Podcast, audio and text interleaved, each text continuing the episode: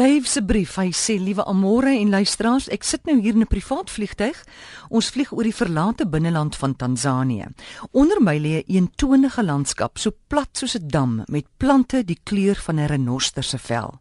Hier en daar is blertse groen waar donderstorm hul water uitgegiet het, het die dankbare plante wiergroen blare begin uitstoot.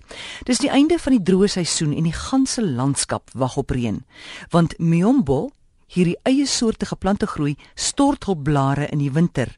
Wag asval en dan met vog verander dit in 'n aardse akwarium. Maar daar smeel kwaad in hierdie aardse paradys. Reg oor Afrika, van ons Bosveld tot teen die Sahara, het die mens nou 'n laaste desperate aanslag op ons plante geloods. Nie moetswillig nie, maar uit nood. Soos ons al te goed weet teen die tyd dat Die grootste drywers van habitatsverlies bestaan uit habitatvernietiging, habitatfragmentasie, indringerspesies, besoedeling, oorbenutting en my eie bygevoegsel, die oneweredige verspreiding van welvaart. By die mense wat hier onder die vlerke van die tuig woon, geld die laaste punt meer as die ander. Hulle is arm, ongeletterd, sieklik en hopeloos. Juis uit hierdie hoek my segging. Hoe op aarde kan ons van mense wat elke liewe dag spook om oorlewing vra om die omgewing te bewaar? Amore, jy sal onthou dat ons al male sonder taal gepraat het oor die belangrikheid van mense in bewaring.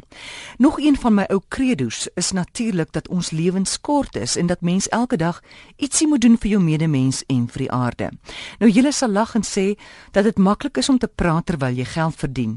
En wie is ek om vir ander te preek? Maar ek het nou laat in my lewe die luukse om my werk te kies en juist daarom kies ek projekte wat 'n fundamentele verskil aan mense se lewens sal maak. Dis presies waarmee ek nou besig is. Soos verlede week werk ek nou vir 'n groot tabakmaatskappy wat duisende boere in Afrika aan die lewe hou met hulle oes. Mense wat op hierdie vlak boer, het geen elektrisiteit of meganiese hulpmiddels nie en maak uitsluitlik staat op natuurlike hulpbronne uit die omliggende woude. En hierdie hulpbronne is hout. Nou gegee die onstuitbare bevolkingsgroei in Afrika, raak die lading op veral Miombo nou ondraaglik.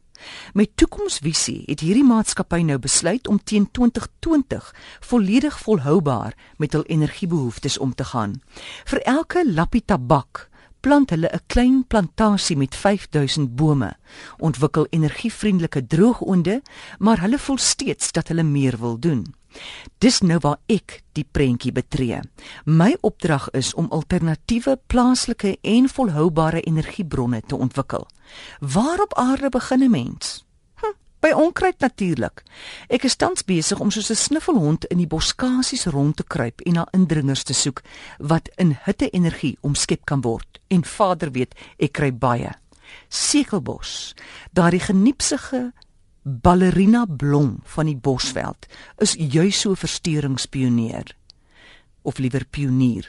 Brand onoordeelkundig oorbewei en verniel jou grond en sekelbos vorm ondeurdringbare ruigtes. Ruigtes van heerlike energieryke en digte hout. Hierdie sogenaamde biomassa kan nou meganies versnipper word en saamgepers word in klein baksteentjies van digte houtvesel. Hulle brand lank en stadig en vervang so kosbare staande bome uit die Miombo. Nie net sekelbos, maar ook ander ware indringers soos lantana en ander onkruid kan benut word. Verder kyk ons na ruigtes of boskasies wat op 'n suiwer wetenskaplike manier volhoubaar geoes kan word.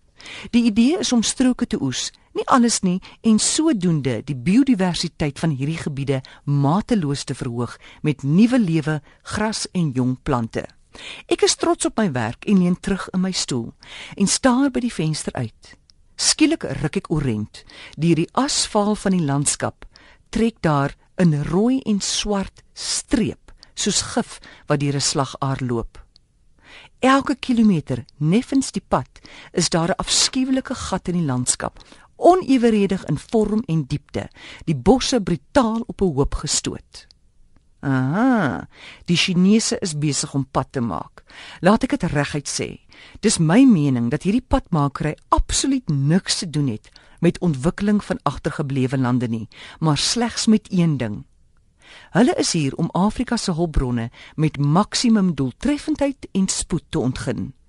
En as die hulpbronne uitgeput is, die woude afgekap en die grond leweloos en braak lê, sal hulle verdwyn, so vinnig as wat hulle verskyn het. Wees gewaarsku. Dave